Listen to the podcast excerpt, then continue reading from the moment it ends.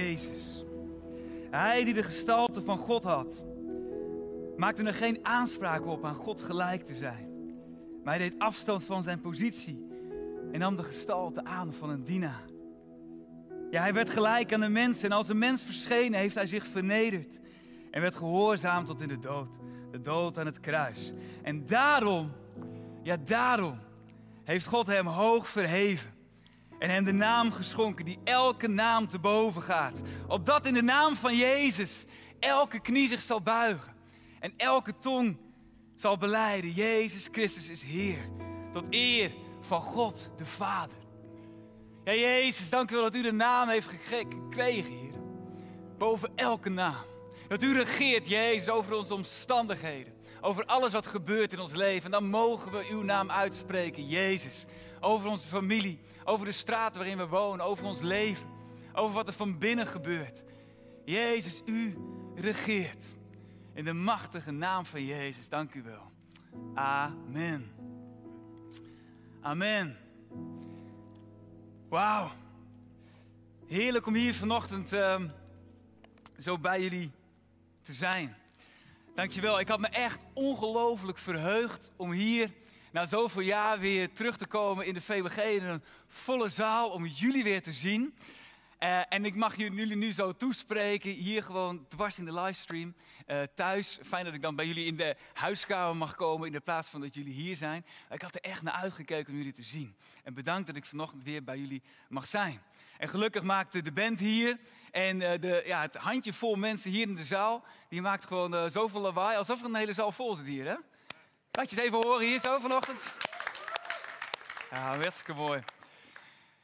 Fantastisch. Hey, ik heb hier um, tien jaar lang uh, onderdeel mogen zijn van de gemeente.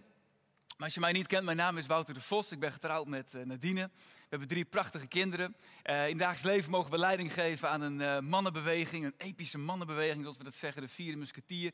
Een mooie vrouwenbeweging, Rise in Nederland. de Muscatlon. Voor live, alles wat we doen gaat altijd over dat we God vertrouwen dat hij ons tot recht brengt. En dat we recht mogen doen op deze aarde. En uh, het is alweer zeven jaar geleden dat ik hier onderdeel mag zijn van de VBG. Maar jullie voelen nog steeds als familie. Nog steeds als een beetje dysfunctionele familie af en toe. Als ik hier zo uh, nadenk. Maar nee, grapje. Um, echt, ik ben hartstikke trots en hartstikke blij op wat God doet. Gewoon hier in Groningen. En elke keer weer hoor ik geluiden. Ik krijg nog steeds een nieuwsbrief mee. Maar het is zo bijzonder. Ik, ik vraag me af of jullie af en toe wel realiseren. Hoe bijzonder het is wat God doet in jullie midden. In ons midden. Hier in Groningen. Want God die beweegt. En ja, dan schuurt er ook wel eens wat. En ja, dan gebeurt er ook wel eens wat. Dan bots je af en toe wel eens met elkaar. Maar Gods kracht, God gebruikt jullie om zijn kracht hier op aarde vorm te geven. En dat is iets fantastisch. Hij, hij maakt onze community om zijn wil te doen hier op aarde. Toch? En dat is iets fantastisch. Hey, ik ben vanochtend niet gekomen met lege handen. En ik heb een mooie boodschap voor jullie uh, meegenomen. Um, die komt uit uh, 1 Samuel 25, mag je erbij pakken vanochtend. Want soms verbaas ik me er wel eens over dat we zo een boek hebben vol waarheid. Vol beloften van de Heere God. Maar dat ik nog steeds zo het idee heb dat ik ja, moet grijpen wat mij toekomt. Dat ik nog steeds zelf moet zorgen ervoor dat, ja, dat, dat, dat geluk en rijkdom mij ten deel vallen. Ik wil vanochtend een vers met je lezen uit 1 Samuel 25. Het is een verhaal in het leven van David. Ja, en David in dit vers, moet je weten, David ja, hoe zeg ik dat goed? Hij heeft al de belofte gekregen dat hij koning wordt. Hij is zelfs al gezalfd tot koning. Maar het is nog geen realiteit in zijn leven. Sterker nog, hij zwerft met een man of 600 dwars door de bergen heen. Hij is niet welkom in het paleis en hij moet maar een beetje zien dat hij rondkomt. En dan staat er in 1 Samuel 25, vers 30 dit vers.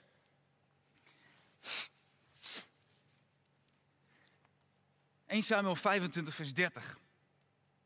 Wanneer de Heer al zijn goede beloften aan u inlost. Ik vind het zo mooi trouwens, hè, dat er staat wanneer. Niet of de Heer zijn belofte inlost, maar wanneer de Heer al zijn goede beloften aan u inlost.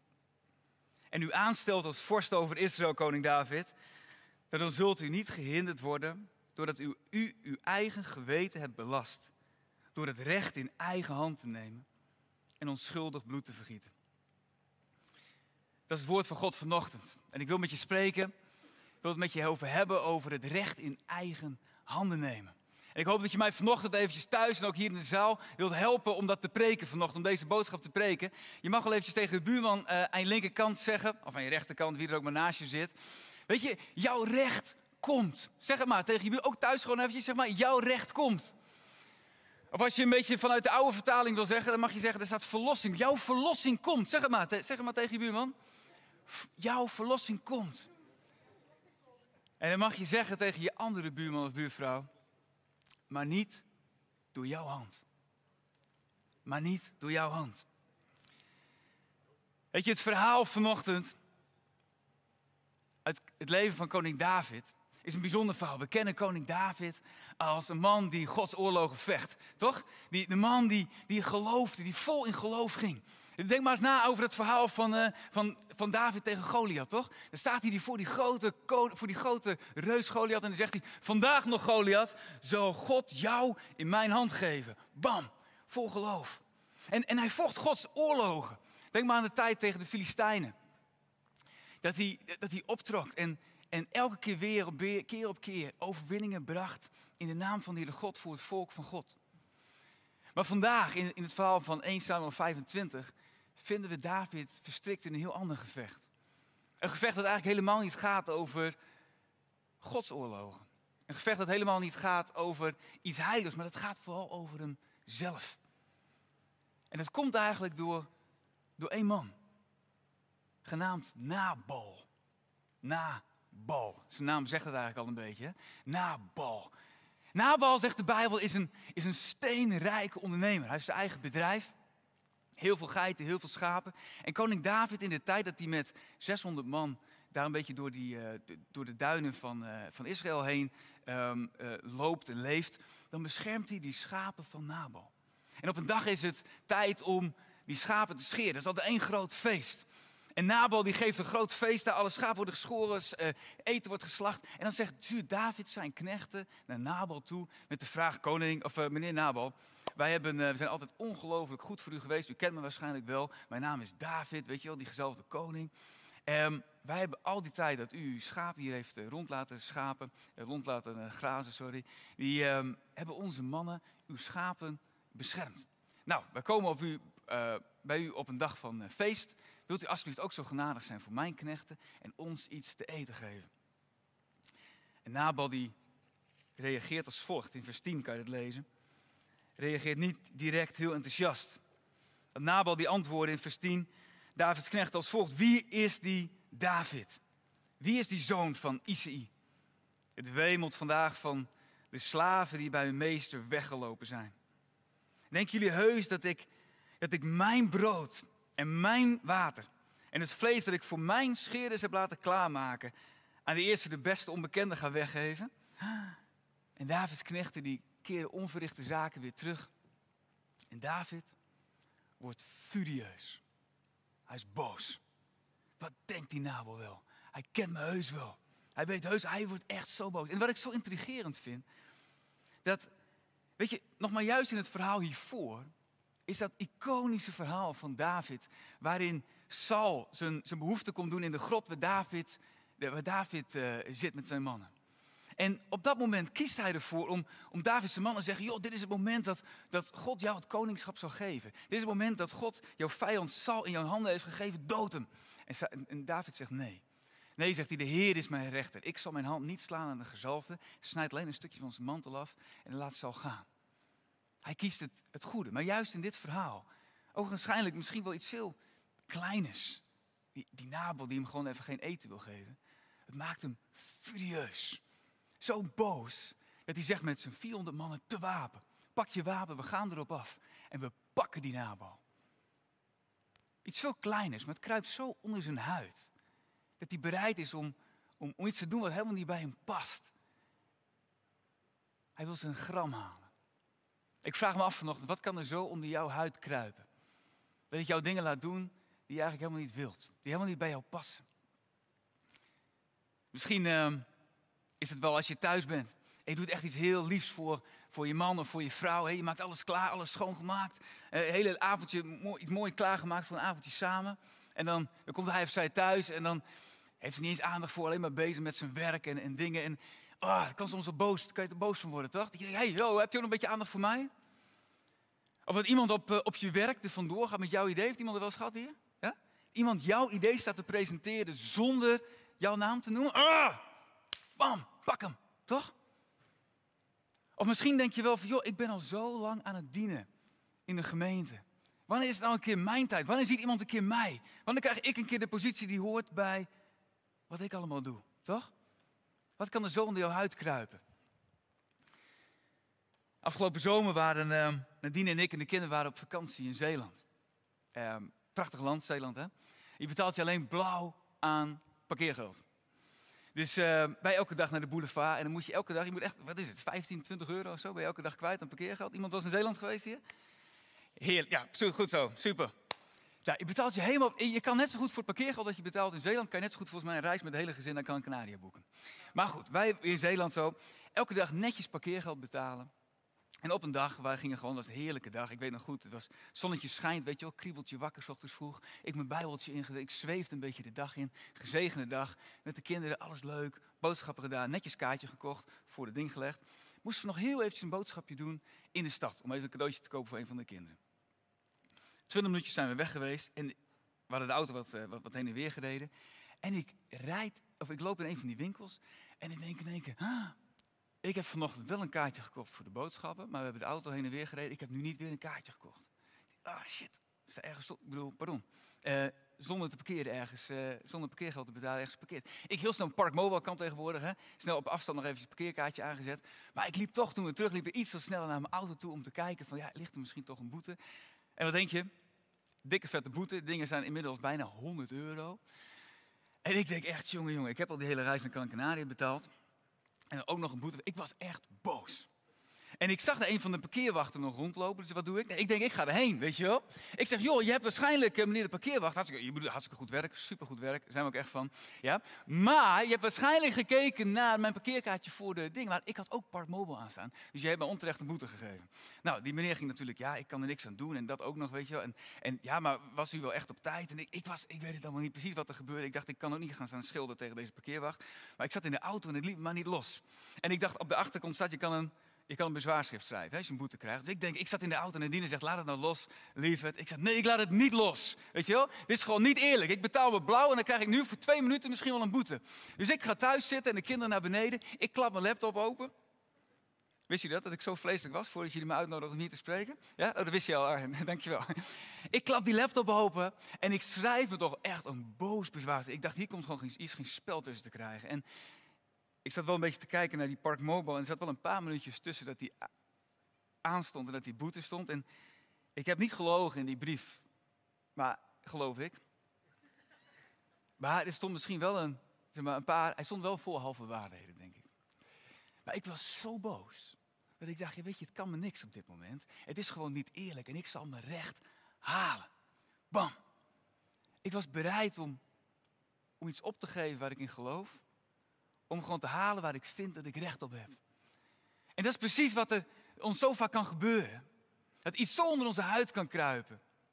Dat we niet meer reageren zoals God ons, waar, God ons voor heeft geroepen. En dat is wat er met David gebeurt. En ik vroeg me af, waarom is David nou werkelijk zo boos vanochtend? moet je maar lezen in vers 21. In vers 21 er staat dit, er staat waarom hij zo boos is. Hij loopt dan naar beneden en dan zegt hij, wat denkt die vent wel? Heb ik al die tijd zijn bezittingen beschermd. Ik had het net zo goed kunnen laten. Nog niet één schaap is hij kwijt. En wat krijg ik? Stank voor dank. De andere vertaling die zegt, ik krijg onrecht voor recht. Ik krijg kwaad voor goed. Onrecht. Onrecht wordt hem aangedaan. Weet je dat gevoel dat jou onrecht wordt aangedaan? Kunnen we het daar eens over hebben vanochtend? Over ons gevoel voor, voor recht? Ik spreek heel veel mensen en die zeggen, ah, ik heb een groot rechtvaardigheidsgevoel. Als ik onrecht zie, dan word ik heel boos. Maar als we het over onrecht hebben, lieve mensen, broers en zussen, als we het hebben over onrecht, hebben we het dan niet heel vaak eigenlijk stiekem over ons recht? Weet je, er is niks in de hele wereld wat ons zo bezig kan houden als ons recht. Over wat mij toekomt, over waar ik vind dat ik recht op heb. Wat mij toekomt. En de wereld vandaag de dag, die schreeuwt het ons meer toe dan ooit. Neem waar je recht op hebt. Verzamel geld, verzamel spullen, verzamel seks. Laat nooit en te nimmer iemand in de weg staan van jouw geluk. En mag ik je vanochtend herinneren aan dat God niet geïnteresseerd is in mensen die opkomen alleen maar voor hun eigen recht. Maar dat God een generatie aan het zoeken is, aan het vormen is. Die wil gaan niet alleen voor hun eigen belang, maar die wil gaan voor het belang van iemand anders. Die wil gaan voor het recht van, van anderen. Weet je, de snelste manier om weg te gaan van Gods doelen is vasthouden aan jouw eigen recht. En dat is wat David gebeurt. Hè? David, die, omdat hij zo boos is en vasthoudt aan zijn eigen recht, dendert hij met, met 400 man af. En is hij bereid om een hele boerderij uit te moorden. Hij raakt verstrikt in een oorlog die helemaal niet Gods oorlog is. Weet je, de snelste manier om, om weg te gaan van Gods doelen met je leven en verstrikt te raken in jouw eigen doelen, is vasthouden aan jouw eigen recht. David die dendert met 400 man af om een bedrijf aan te vallen, wat hij eigenlijk net aan het beschermen was. Met 400 man. De resources, de, de mannen die God hem had gegeven om Gods oorlogen mee te voeren, gebruikt hij voor zijn eigen gevechten en voor zijn eigen doelen. En zo vinden we onszelf zomaar in één keer op een punt waarop jij je eigen tijd en je eigen geld en, en, en jouw energie en jouw motivatie gebruikt. Niet voor de doelen van God. Niet om Gods wil te doen hier op aarde waarvoor je geroepen bent. Maar om jouw eigen doelen te behalen. En dan kan het maar zijn dat je net als David in één keer in jezelf in gevecht vindt. Met hetgeen wat je eigenlijk wil beschermen. Dat je in één keer in gevecht komt met je man of met je vrouw. Die je eigenlijk zo lief hebt. Dat je in één keer een destructieve kracht bent in, in het bedrijf wat je al die tijd hebt helpen bouwen. Of dat je verdeeldheid loopt te zaaien in een gemeente. Die je zo, waar je zoveel om geeft. Dat je de snelste manier weg van Gods doelen is om vast te houden aan ons eigen recht. En David die, die maakt een keuze. Een keuze. En je weet dat je een keuze hebt toch? Hè? We, we hebben een keuze. En lees maar mee in Filippenzen 2. In Filippenzen 2, daar staat dit. Er staat in Filippenzen 2, vers 5. Laat onder u de gezindheid heersen die Christus Jezus had. Vers 3. Handel niet uit geldingsdrang of uit eigenwaan. Maar acht in alle nederigheid de ander belangrijker dan uzelf. Heb niet alleen uw eigen belangen voor ogen, maar ook die van een ander. En laat onder u de gezindheid heersen die Christus Jezus had. Laat onder u de gezindheid heersen die Christus Jezus had. Wij hebben een keuze. Jij hebt een keuze. Welke gezindheid jij laat heersen in je hart. Een onvergevingsgezindheid. Een vijandige gezindheid. Een eigen gerichte gezindheid. Noem het maar op. Maar je bent geroepen om de gezindheid van de Heer Jezus te laten regeren in je leven. Want hij, die de gestalte van Godheid maakte, God had, maakte er geen aanspraak op aan God gelijk te zijn, maar hij deed afstand van zijn positie. En nam de gestalte aan van een dienaar. Je, als wij het hebben over Jezus dan, en over wat Jezus deed, dan hebben we het zo vaak over wat hij gaf. Over de manier waarop hij diende. Op, op het kruis. Op, op, wat hij gaf aan de mensen om hen heen. Maar al dat, alles wat Jezus deed, dat, dat werd getriggerd door het loslaten van zijn rechten. Hij die de gestalte van God had, nam de gestalte aan van een dienaar. Hij hield niet vast aan zijn positie. Hij liet het los. Hij liet zijn rechten los. En alles wat kwam, kwam voort uit het loslaten van zijn recht. Jij en ik, we hebben een keuze om de gezindheid van de Heer Jezus te laten regeren in ons hart. En het lukt David hier niet. Het lukt me niet. Het lukt me niet. Misschien zit jij hier vandaag wel zo. Ik wil het wel, Wouter. Ik wil de gezindheid van de Heer Jezus laten regeren in mijn hart. Maar het lukt me niet. Weet je, ik weet niet waarom het David niet lukt in dit geval. Eerst wel bij Saul en, nu niet. waarom lukt het ons soms niet? Misschien was het bij David hier wel in dit geval dat hij. Um, weet je, bij, dat ding met Saul was, zo groot. Hij was heel erg op gebrand. Ik wil dit goed doen. Er was iets groots in zijn leven. En dit is ja, eigenlijk een hele gewone dag. Misschien overvalt het hem wel. Dat hij niet had verwacht. In één keer zijn van die kleine dingen in het leven die ons zo in één keer off guard kunnen pakken en ons van koers af kunnen halen. En misschien was het ook wel op een gekke manier of zo dat, dat David zich geëerd voelde. Het was toch een gevecht op, op hoogte, weet je wel, op positie. Van koning tot koning. Misschien dat hij daarom zo gebrand was om het goed te doen. En misschien is het ook wel gewoon dat, die, dat David niet meer kon. Hij had zo zijn best gedaan, juist op dit vlak. Hij had zo zijn best, zijn best gedaan om, om te dienen. Om niet te grijpen wat God, voor hem, uh, wat, wat, God hem had beloofd. Om, om Saul te dienen. Om niet zijn handen te slaan aan de gezalfde van de Heere God. Had zo zijn best gedaan, had zo geploeterd. En nu noemt hij Nabal hem loslopende, losgebroken slaaf. Precies wat hij niet wilde. Misschien dacht hij wel, misschien denk jij vandaag wel, weet je, het is ook genoeg. Ik heb ook genoeg gegeven. Eerst had ik het wel gedaan, maar nu is het gewoon een keer klaar. Nu is het keer de beurt van iemand anders om te dienen. Nu moet iemand anders een keer opstaan om het goed te doen. Ik heb wel genoeg gedaan. Nu is het een keer mijn beurt om te incasseren. Nu is het een keer mijn beurt om de plek te krijgen. Het lukt David niet. En zo dendert hij met 400 man af op die koppige Nabal. En te midden van één zo'n grote bok, brok aan, aan, aan dopamine en adrenaline en, en testosteron. Van twee kanten. Dan brengt God daar een vrouw.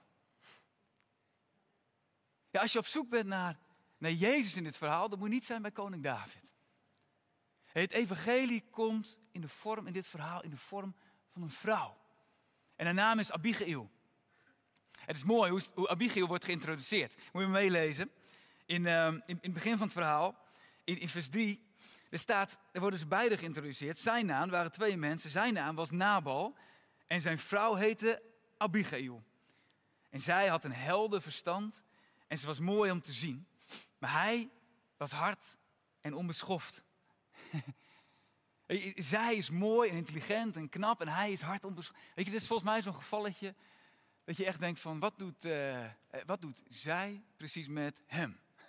Toch? Er schiet direct een naam hier met te binnen, hier zo in de VWG. Maar ik weet natuurlijk niet of je kijkt, dus ik zal uh, me wijselijk mijn mond houden. Maar wat doet zij met hem? maar deze Abigail, te midden van die brok aan testosteron, te midden aan twee van die mannen die vasthouden aan hun eigen recht. Hij brengt Abigail daar een heel andere geest.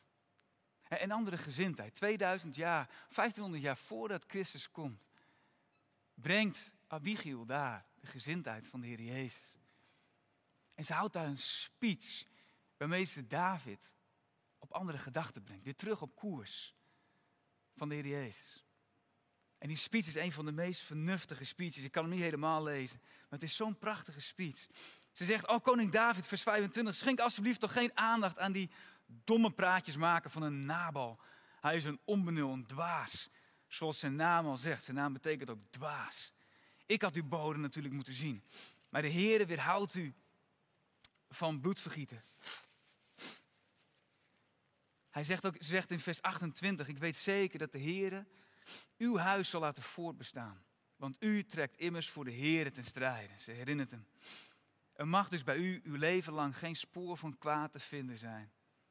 Maar mocht iemand het wagen om u te achtervolgen en u naar het leven te staan, nou dan zal uw leven veilig zijn als een steentje geborgen in de buidel waarin de Heere, uw God, de mensenlevens bewaart. Waar het leven van uw vijanden zal worden weggeslingerd. En wanneer de Heere al zijn goede beloften aan u inlost en u aanstelt als vorst over Israël, zult u niet gehinderd worden doordat u uw eigen geweten hebt belast door het recht in eigen hand te nemen en onschuldig bloed te vergieten. Weet je, er is een spreuk die zegt dat je een man op de dag van zijn wraak niet op andere gedachten kan brengen. Maar dat is precies wat Abigail hier doet. Abigail, met deze woorden, brengt ze David weer terug op koers, op de koers van God waarvoor hij geroepen is. En ik vraag me af, wat zegt zij hier nou ook voor ons vandaag, voor jou en voor mij vandaag? Dat ons ook weer terug kan brengen op koers en ons kan laten leven in die gezindheid van de Heer Jezus. En volgens mij zegt ze een paar dingen. Het eerste wat ze zegt is, Tenminste, toen ik dacht, ik dacht, het eerste wat ze doet is, is ze wijst hem op zijn toekomst. En dat is eigenlijk heel slim. Ze probeert David los te schudden uit het moment. Ze zegt, David, straks zal er een moment komen dat jij koning bent. En hoe wil je dan terugkijken op dit moment? Dan wil je toch niet dat jouw geweten belast is door de dingen die je vandaag de dag doet. Dat is heel clever. Want vandaag, vaak als wij worden geraakt in onze eigen eer, dan kan het ons zo, zo bezighouden. Dan kan het ons slapeloze nachten geven. Of dan kunnen we soms niet rusten totdat we ons eigen gram hebben gehaald. En dan haalt Abigail ons eventjes wakker. Je schudt ons even wakker. Kom op, kopje erbij. Denk even na, welk verhaal wil jij schrijven met je leven?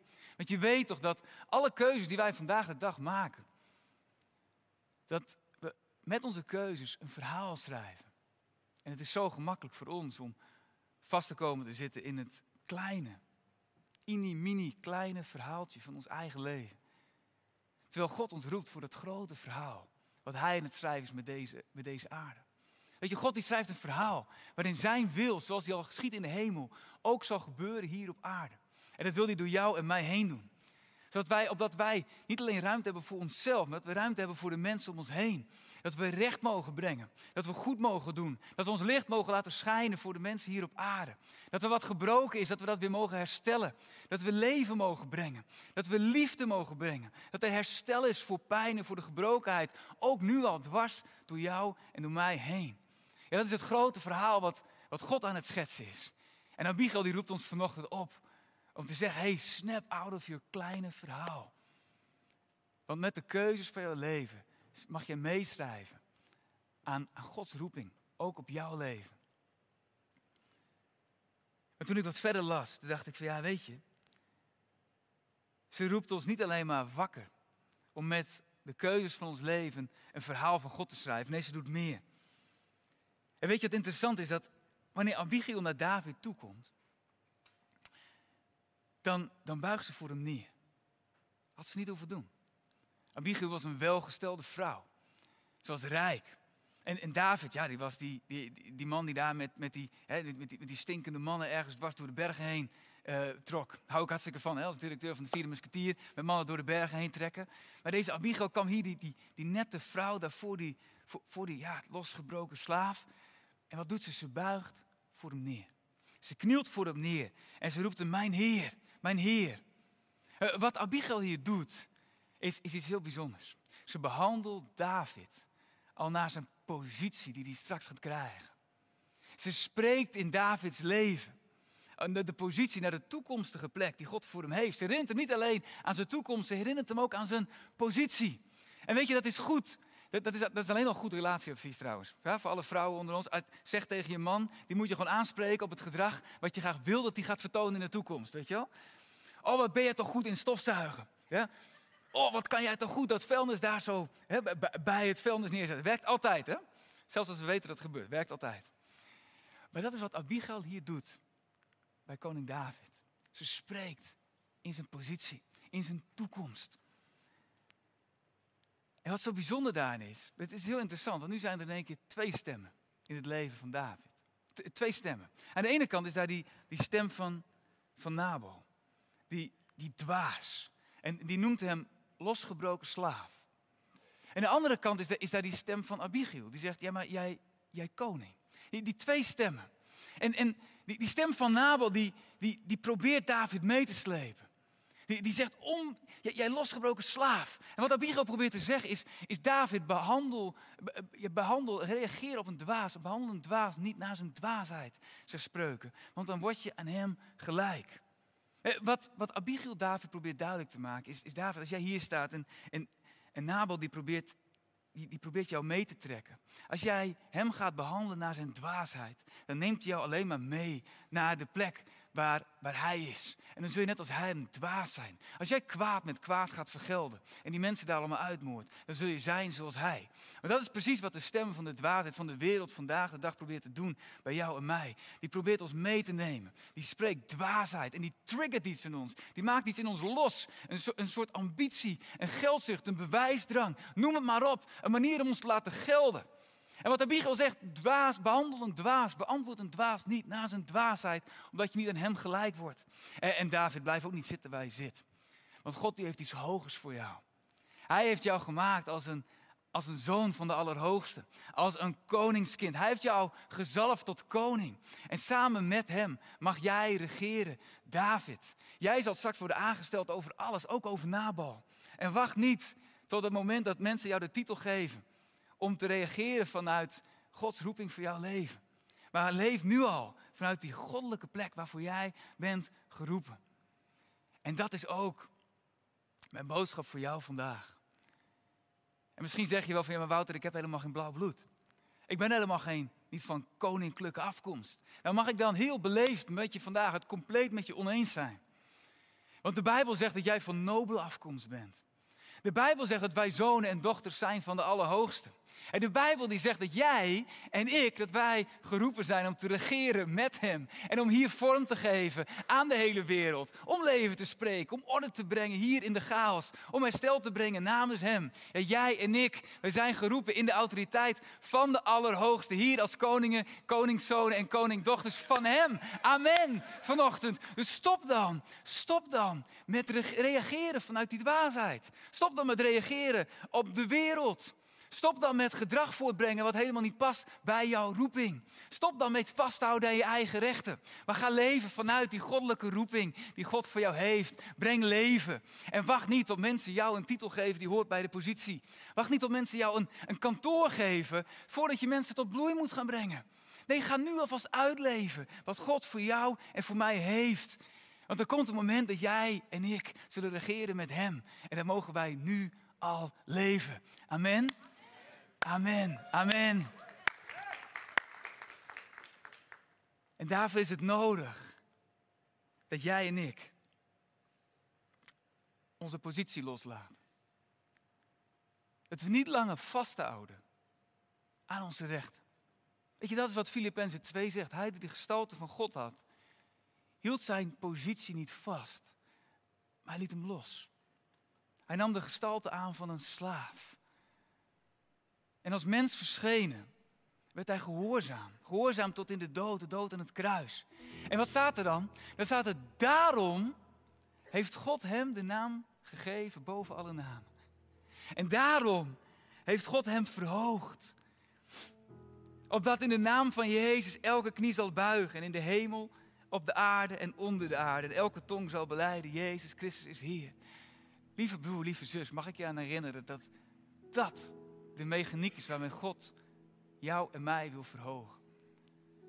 Op het moment dat jij en ik onze rechten loslaten, ons ontledigen, niet meegaan in wat de wereld roept, maar het loslaten. Weet je, dat is het moment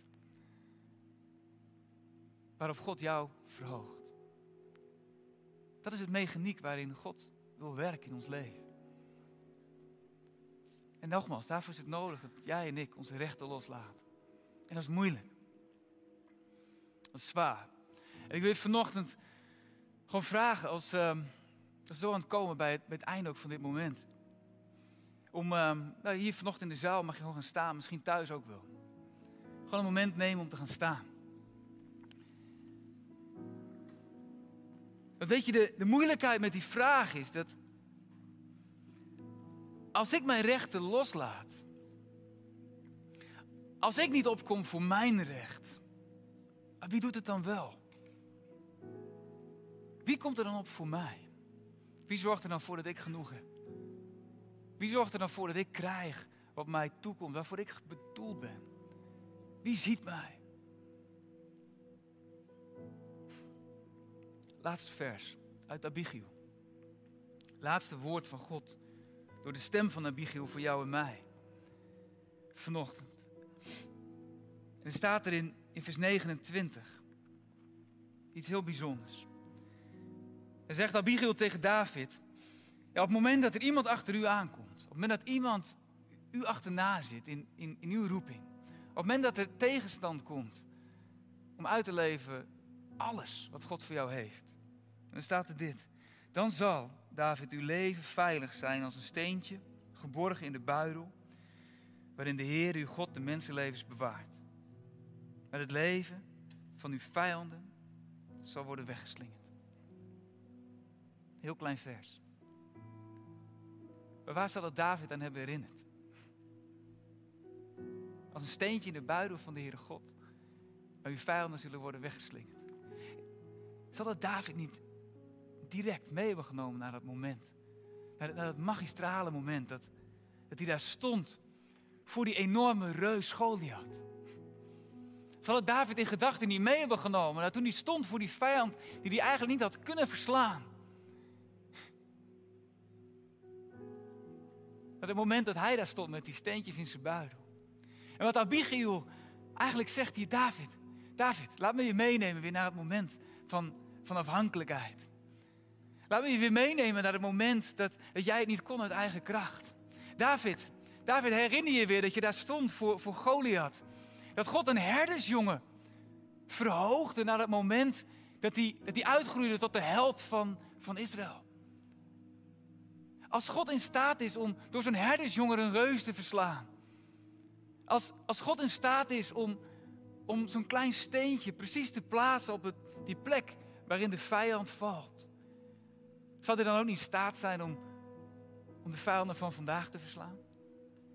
Zal hij dan niet in staat zijn om jouw recht te doen wat jou toekomt? Zal hij dan ook niet jou verhogen en jou alles doen wat hij beloofd heeft en jou brengen op de plek waarvan hij had gezegd dat hij het zou doen? Oh, Abigail, die neemt David mee naar die plek van totale afhankelijkheid. En ik geloof dat dat, dat is waar God ons vandaag wil hebben. Waar God jou en mij vandaag wil hij ons mag brengen, dat hij ons wil brengen naar die plek van, van totale afhankelijkheid. Waarin we weten, het is niet mijn kracht. Ik hoef niet zelf te halen. Het is niet mijn hand die verlossing en recht zal brengen. Nee, het is Gods hand die verlossing brengt. En daarvoor wil ik vanochtend met je bidden. Weet je, misschien sta je hier vanochtend. Uh,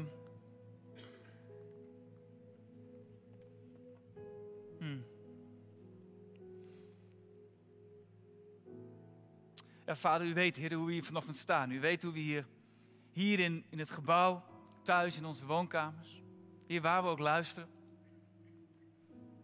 Heer, u weet, Heer, iedereen, nu onder het gehoor ook van mijn stem, vader, u weet precies waar ze staan en waar ze zijn. En misschien moet jij vanochtend wel denken aan, aan een hele specifieke situatie. Als we denken aan, er wordt mij geen recht gedaan. Misschien moet jij wel denken aan een specifieke persoon in je leven. Heilige Geest, ik bid dat u vanochtend spreekt. En dat u ons brengt naar die plek van totale afhankelijkheid. Heer, dat we vanochtend ook die situaties en die mensen onder uw kracht mogen gaan brengen. Hmm. Misschien zit jij hier vanochtend wel met een huilend hart. Dat je denkt, wanneer wordt mij nou eindelijk eens recht gedaan? Ik kan niet meer. Wie ziet het? Heer, ziet u me wel? Hmm. Heer, op dit moment willen we deze situaties ook bij u brengen. Ik wil je vragen thuis, wij ook luisteren hier in de zaal. Ik wil je vragen om die specifieke situaties en namen en gedachten die je hebt, op dit moment ook gewoon bij de Heer Jezus te brengen. En te zeggen, Heer, ik wil niet mijn eigen recht op dit moment hier halen. Maar ik wil erop vertrouwen, Heer, dat U mij alles geeft. Dat uw rijkdommen zijn zo ongelooflijk groot. Hmm. Heilige Geest, ik bid dat U op dit moment iets heel bijzonders doet. Heer, namelijk dat U nieuw geloof brengt. Hmm. Heilige Geest, ik bid dat U op dit moment onze huiskamers, onze woonkamers volmaakt. Onze harten. Heilige Geest, U leeft in ons, maar doorademt U ons op dit moment. Omdat we zo ver komen dat we op dit moment, Heer, ik pak het, Heer, die situatie, die naam, in de pijn. Ik pak het en ik geef het aan U. Ik wil niet langer geleid worden, Heer, door mijn eigen recht. Door de drive, Heer, om zelf te moeten halen. Om te moeten verzamelen. Om voor mezelf te leven. Heer, we brengen U ons eigen belang. We brengen U onze eigen waan. Heer, we brengen U ons eigen, Heer, gewoon onze eigen gerichtheid. En Jezus, we vertrouwen. U bent de God die, die David verhoogt. En u bent de God die ons verhoogt. Heer, u richt op en u verhoogt, Heer, en u beschermt. En u richt op wie u vertrouwt. Want in uw liefde en trouw is er niets, niets dat u ons onthoudt. Ja, Heilige Geest, ik bid u voor nieuw geloof dwars door de rijen hier. Dwars door de woonkamers thuis. We geloven, Heer, dat we op dit moment ook geloof mogen spreken. De naam van Jezus mogen spreken. In onze familie. In onze posities, in onze plek, in onze invloed, in onze buren. In onze, de mensen die u ons heeft toevertrouwd. In onze eigen levens. Jezus, u leeft en u regeert. En in uw naam, Heer Jezus, zullen we uw wil doen hier op aarde. En Jezus, we houden van u. En we zullen houden van de mensen om ons heen. En we gaan in uw machtige naam, want het is uw hand die verlossing brengt. In Jezus' naam. Amen. Amen. Amen.